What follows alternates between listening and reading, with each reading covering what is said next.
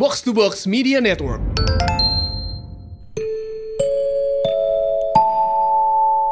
Finalis Box to Box Podcast Pitch.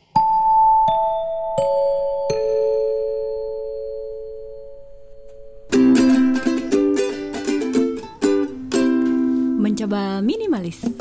Selamat datang di Mencoba Minimalis. Mengurangi yang gak perlu. Gue Puri. Gue Avo. Kita berdua ini adalah teman SD satu jemputan ya Pur ya. yang baru ketemu lagi tuh berpuluh-puluh tahun kemudian. Ya gue inget banget tuh. Jadi uh, Idea Fest lagi bikin acara. Kita ngobrol-ngobrol terus ternyata dari obrolan-obrolan itu ya kita punya banyak kesamaan lah gitu dan Ternyata kita berdua ini bonding dengan uh, gaya hidup minimalis gitu. salah satu cara gue eh, apa eh, menjalani hidup minimalis itu adalah dengan memiliki sesuatu sesuai fungsi. Jadi kalau ada hal atau ada ada gadget atau ada apa pun yang nggak ada fungsinya, menurut gue mending nggak usah. Lo kayaknya uh, result driven person banget ya. Koleris nyaris mentok. Ya, ya, ya, gue bisa lihat.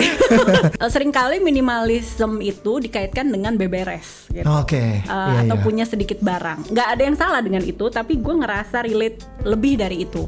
Kalau dari segi barang, oke ada nih metode namanya KonMari gitu uh, yang bikin gue jadi lebih reflektif dan lebih ini barang butuh apa sebenarnya gue pengen. Ya. Nah yang kedua yang hubungannya dengan non barang, Mm-hmm. sejak gue jadi ibu itu kan peran gue jadi tiga ya. Yes. Gue mau sayang-sayang diri sendiri biar biar waras. abis itu gue juga punya peran istri. Abis itu gue juga jadi ibu. Yes. Gitu. Gimana caranya dalam sehari gue ngejaga energi itu semua?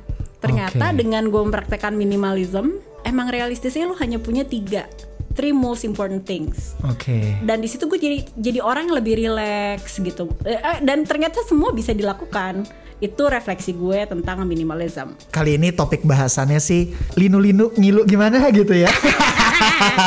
pasti hubungannya dengan hati. Ya, kita akan ngomongin soal grieving atau berduka cita. Di masa sekarang kita udah tujuh bulan masuk pandemi, masuk ke inner circle kita nih yang Betul. statusnya positif atau penderita COVID. Dan gak jarang juga akhirnya harus pergi meninggalkan kita, mengalami pemakaman yang kita tahu sebelumnya, lu Iya. hanya bisa lihat dari jarak jauh. Itu kan juga kayak menyakitkan ya buat Wah, orang-orang yang di- traumatis sih. Gua rasa gua sama lu tuh mencoba memproses ini tapi kita nggak pernah tahu cara persis nah begitu kita kehilangan orang yang udah nggak bisa kita lihat lagi tuh gimana ya gitu nah udah ada ahlinya di sini Mbak Diwin Hartono selaku praktisi holistic healing Hai Mbak Diwin Hai Mbak. Halo, aku, halo Puri. Gimana? Udah kayak sesi terapi gak nih tadi barusan?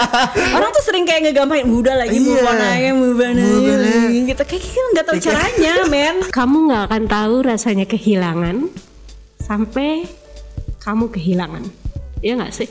langsung lagu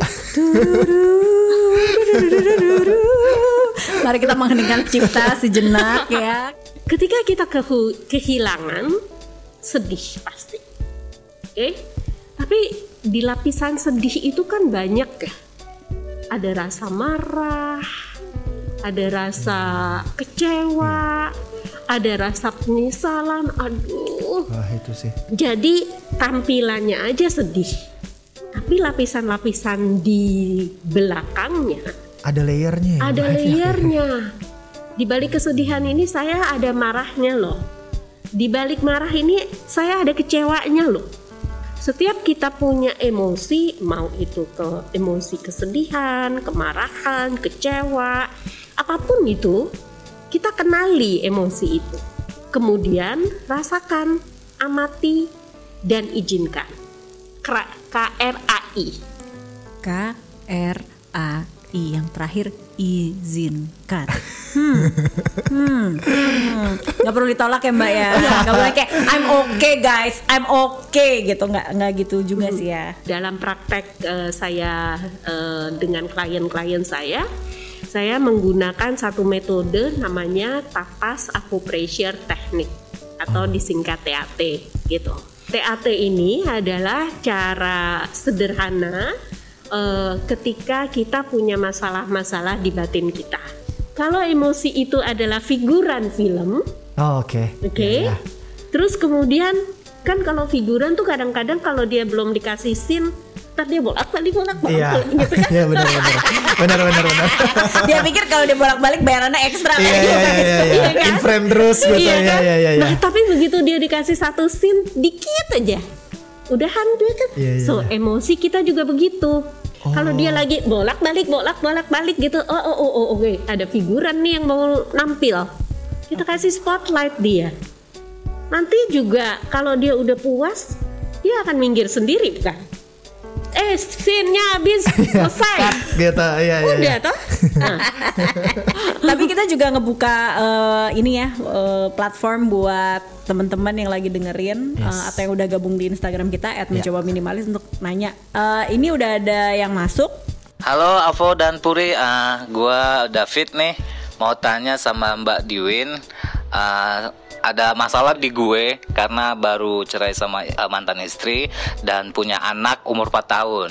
Ah, jadi pertanyaannya adalah kira-kira gimana solusi yang terbaik dalam co-parenting karena setiap gua ketemu sama mantan istri gua ah, masih terjadi keributan, sering terjadi keributan. Ah, kira-kira gitu pertanyaannya. Thank you.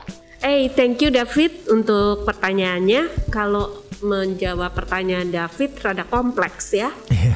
Karena ada dua manusia yang masih berselisih, tetapi kemudian ada satu manusia yang harus diasuh oleh dua manusia yang masih berselisih ini. Eh, sebelum saya eh, jawab pertanyaanmu, saya akan sedikit bilang segini. Masa pembentukan karakter seseorang itu ada pada saat golden age. Which itu adalah umur 0 sampai 8 tahun. Oh sampai 8 tahun ya mbak ya? Iya. Oke oke. Nah, di umur 0 sampai 4 tahun dia punya energi kepada kedua orang tuanya itu masih sangat tight ya. Oke. So jadi em, kalau dulu ini masih menyimpan amarah, maka coba ini akan terlihat sekali kepada anaknya. Walaupun mereka mungkin nggak bertengkar di depan si anak gitu ya? Enggak. Oh, oke. Ingat bahwa kita 50% ibu kita, 50% bapak kita. So means energi mereka pun ada di dalam tubuh kita, bukan?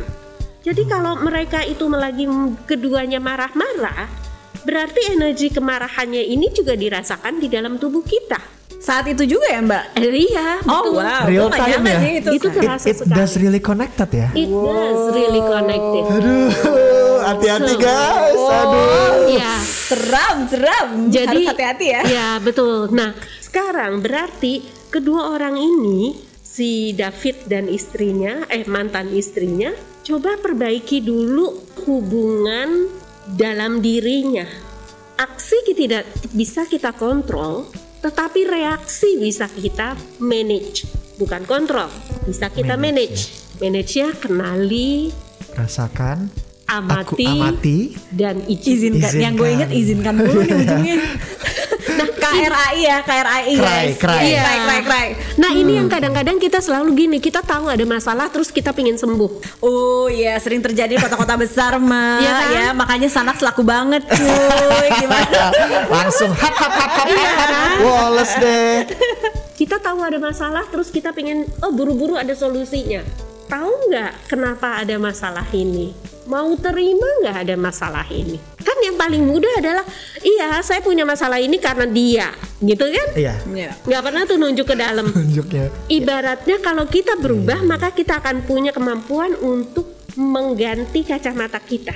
Mungkin mantannya David ya masih begitu-gitu, Iya. tetapi David punya kacamata lebih jernih sehingga bisa melihat mantannya itu dengan sisi yang berbeda. I see Oke David, mudah-mudahan ngejawab ya. Yes. Kita semua butuh metode gitu ya, Iya. Eh, ya, yang butuh waktu juga untuk sembuh, Betul. bener-bener sembuh.